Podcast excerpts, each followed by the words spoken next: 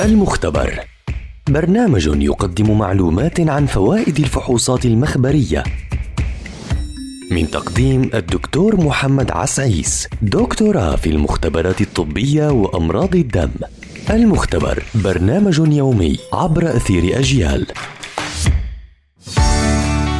أهلا وسهلا بمستمعي ومستمعات أجيال عبر منصاتها المختلفة. فحص الكالبروتكتين يعرف الكالبروتكتين بأنه عبارة عن بروتين يتم إنتاجه من خلايا الدم البيضاء كرد فعل مناعي التهابي نتيجة لعدوى بكتيرية أو طفيلية أو مناعية.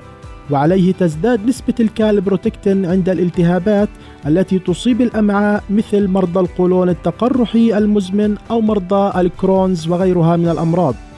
يعتبر فحص الكالبروتكتين من الفحوصات الهامة للكشف عن التهابات الجهاز الهضمي حيث يستخدم للتمييز بين داء الأمعاء الالتهابي ومرضى القولون العصبي حيث تشير العديد من الدراسات بأن دقة فحص الكالبروتكتين في التمييز بين المرضين تزيد عن 80% كما ويستخدم كبديل أولي عن المنظار للكشف عن الالتهابات التي تصيب الجهاز الهضمي.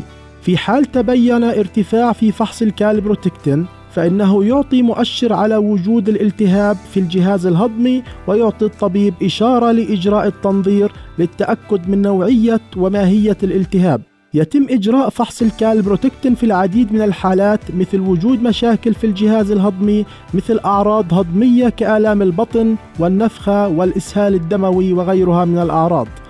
أيضا يعتبر فحص الكالبروتكتين أداة مهمة في التشخيص ومراقبة شدة المرض بالإضافة إلى مراقبة استجابة المريض للعلاج ومدى نجاح العلاج بالإضافة إلى الكشف عن عودة المرض.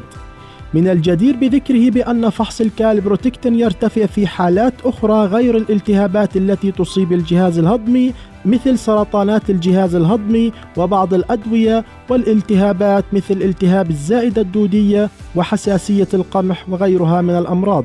تعتبر نتيجة فحص الكالبروتكتين ما دون 50 مايكروغرام لكل جرام سلبية أي طبيعية وتشير غالبا إلى وجود مرض آخر غير داء الأمعاء الالتهابي كمرض القولون العصبي أو حساسية الطعام. بينما تعتبر النتيجة أعلى من 150 نتيجة إيجابية ومرتفعة وتشير إلى وجود داء الأمعاء الالتهابي أي التهاب في الجهاز الهضمي مثل القولون التقرحي المزمن أو مرض الكرونز أو استجابة مناعية في الأمعاء. يتم إجراء فحص الكالبروتكتين عن طريق البراز ويتم إصدار النتيجة خلال ساعتين.